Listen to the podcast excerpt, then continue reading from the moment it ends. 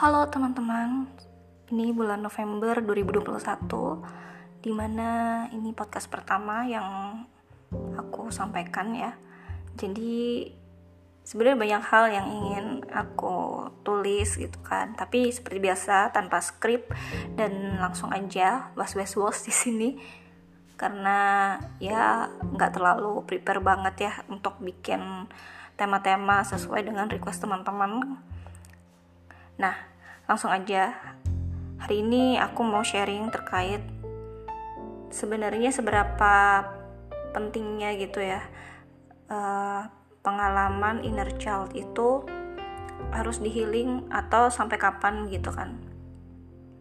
Uh, kapan kita perlu bantuan dan kapan kita bisa mengatasi sendiri.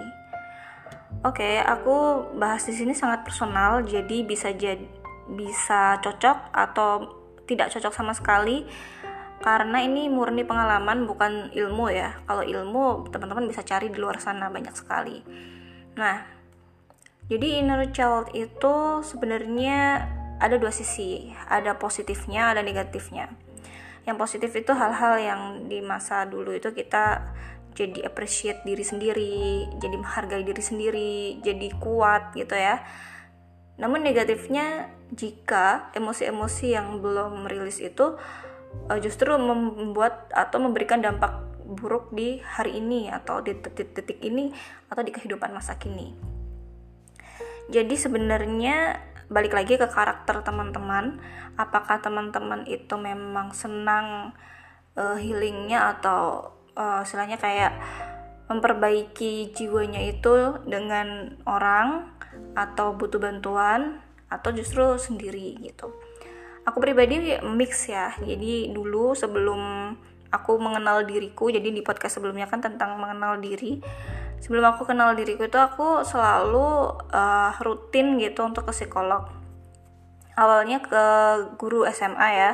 Karena guru SMA kan juga uh, memahami gitu kan uh, terkait tentang kesehatan mental, kesehatan emosi jiwa gitu. Jadi dari SMA, sebenarnya dari SMP sih ininya ya uh, baru menyadarnya itu baru dari SMP dan tapi karena di SMP itu uh, guru balik lagi ya cocok-cocokan. Jadi kita mau ke siapa pun ke psikolog psikiater ke mana-mana kalau emang kitanya belum cocok atau nggak klik dengan orangnya gitu secara personal ya akan sulit sulit banget untuk membongkar atau membuka uh, diri kita supaya bisa heal gitu ya bisa rilis gitu nah di SMP itu aku eh, nggak uh, terlalu mendalam teman-teman. Karena waktu SMP hanya ya semacam cerita biasa dan banyaknya uh, mungkin uh, ini ya subjektif sih ini di kayak di judge gitu ya istilahnya. Aku nggak suka banget kayak gitu.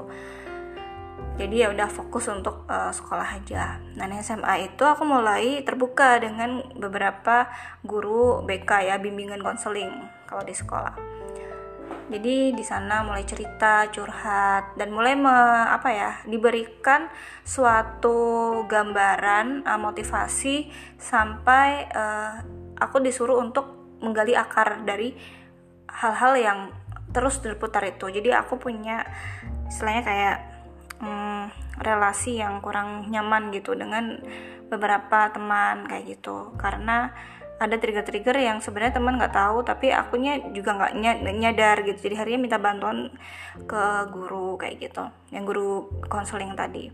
Dari sana aku mulai memahami oh ternyata kita itu nggak uh, bisa mengabaikan perasaan dan juga nggak bisa terlalu cuek dan juga nggak bisa terlalu uh, memikirkan gitu. Jadi harus di tengah-tengah. Nah di SMA itu aku mulai banyak belajar dan banyaklah support system yang akhirnya membuat aku mem mau atau berani membuat keputusan-keputusan di luar uh, ekspektasi atau di luar hmm, normal gitu ya. Jadi kalau normalnya itu aku lulus SMA kerja terus bantu orang tua gitu kan. Tapi waktu itu aku akhirnya harus melompat lebih tinggi lagi uh, biaya kuliah sendiri daftar sendiri pokoknya mengusahakan sampai bisa kuliah kayak gitu nah di kuliah itu aku uh, by the way aku kuliah di Surabaya ITS di sana ada sebuah medical center gitu ya sebuah, sebuah fasilitas di mana nggak hanya tentang kesehatan fisik aja tapi juga ada kesehatan psikis. Aku memanfaatkan itu dari semester pertengahan lah istilahnya kayak uh, udah mau skripsi gitu udah mau uh, internship gitu. Aku gratis di sana ya. Aku mulai apply dan akhirnya dibantu oleh seorang psikolog senior udah sepuh ya ibunya itu di sana itu jadi beliau praktek hari apa aku lupa yang jelas aku aku rutin selalu ke sana jadi setiap kunjungan itu beliau hanya menerima satu gitu jadi kayak antri gitu loh gitu kan Nah, aku kunjungan dari pagi, bisa aku ambil jadwal yang gak ada kuliah gitu kan. Pagi sampai biasanya siang uh, jam 1 setengah dua gitu. Setelah itu aku baru balik ke kampus. Nah, sebenarnya ya itu karena posisinya aku emang perlu digali gitu ya. Pengen tahu sih kayak gimana aku harus mengatasi beberapa hal keruwetan atau kerumitan di dalam pikiran gitu. Kalau secara ya jadi ada beberapa impact gitu ya ketika kita masih uh, ada inner child yang membuat diri kita tidak produktif itu ada dampak-dampaknya memang mulai dari kuliah bingung nggak fokus terus uh, pertemanan juga insecure terus uh, menutup diri dan seterusnya akhirnya itu yang membuat kita nggak nyaman dengan diri sendiri gitu. Dan dan aku dibantu oleh psikolog itu waktu masih kuliah. Nah pasca itu aku menikah. Nah setelah menikah pun aku masih terus. Jadi namanya healing itu teman-teman bukan hari ini atau bulan ini selesai enggak atau tahun lalu udah selesai enggak tapi healing itu terus menerus gitu ya. Sampai ya sampai tua gitu. Sampai kapan pun setiap hari gitu masalahnya kan ada beberapa kasus-kasus trauma yang berat yang besar yang itu membuat diri kita itu stuck gitu di hari ini. Makanya perlu ilmu perlu bantuan kayak gitu. Nah setelah aku mengenali diriku sendiri aku banyak ikut kelas gitu kan setelah uh, menikah itu kelas online bahkan kelas offline juga. Ada hipnoterapi lah macem-macem gitu kan banyak metode. Terus uh, praktik beberapa jenis gitu ya uh, terapi writing terapi apa mulai terus uh, mirroring dan seterusnya. Kan banyak jenis ya kalau terapi inertial itu. Aku jadi menarik sebuah kesimpulan bahwa perubahan itu nggak bisa nggak bisa uh, singkat gitu teman-teman ya. Nggak bisa instan. Dan masalahnya balik lagi ke performa uh, personality kita apakah kita itu memang orang yang nyaman jika berada di sebuah community atau sebuah kelompok atau sebuah uh, circle yang besar gitu ya masuk masuk ke gabung komunitas A komunitas B gitu atau kita justru circle kecil atau dengan diri sendiri Nah, circle kecil pun kadang juga ada gesekan-gesekan yang kurang nyaman gitu kan. Jadi balik lagi ke masing-masing. Aku pribadi termasuk tipe yang ketika aku uh, gabung di sebuah grup gitu ya, kemudian di situ banyak banget uh, orang uh, grup mental health gitu ya, terus ceritanya mau macam-macam itu semua energinya itu kayak aku serap gitu secara nggak langsung ya dari cerita itu. Dan akhirnya membuat diriku overwhelmed juga. Padahal aku nggak ngapa-ngapain gitu. Nah, akhirnya aku mulai evaluasi hari ini ternyata aku nggak cocok yang kayak gitu gitu. Aku memang cocok dengan diri sendiri dan aku uh, one on one kalau bisa gitu dan konseling pun aku juga nggak bisa eh, nggak uh, nggak bisa langsung cocok ke satu orang gitu ya. Jadi kayak emang benar-benar milih banget gitu. Tapi untuk hari ini detik ini mm, belum perlu gitu untuk untuk mencari konselor atau uh, psikolog atau psikiater untuk mengurai. Karena aku udah pernah mengalaminya gitu. Dan setelah yang perjalanan cukup panjang dulu itu ya jadi aku aku bikin sebuah uh, benang merah gitu ya. Kalau yang namanya ingin berdamai, ingin kita happy dengan diri sendiri, ingin kita bisa rilis dengan masa lalu itu balik ke ke masing-masing gitu. Dan kita rajin-rajin aja untuk mengurainya. Caranya ya salah satunya journaling atau kita bisa uh, bikin writing terapi gitu ya itu bener-bener ngefek sih kalau aku ya. Orang introvert tuh kayak gitu.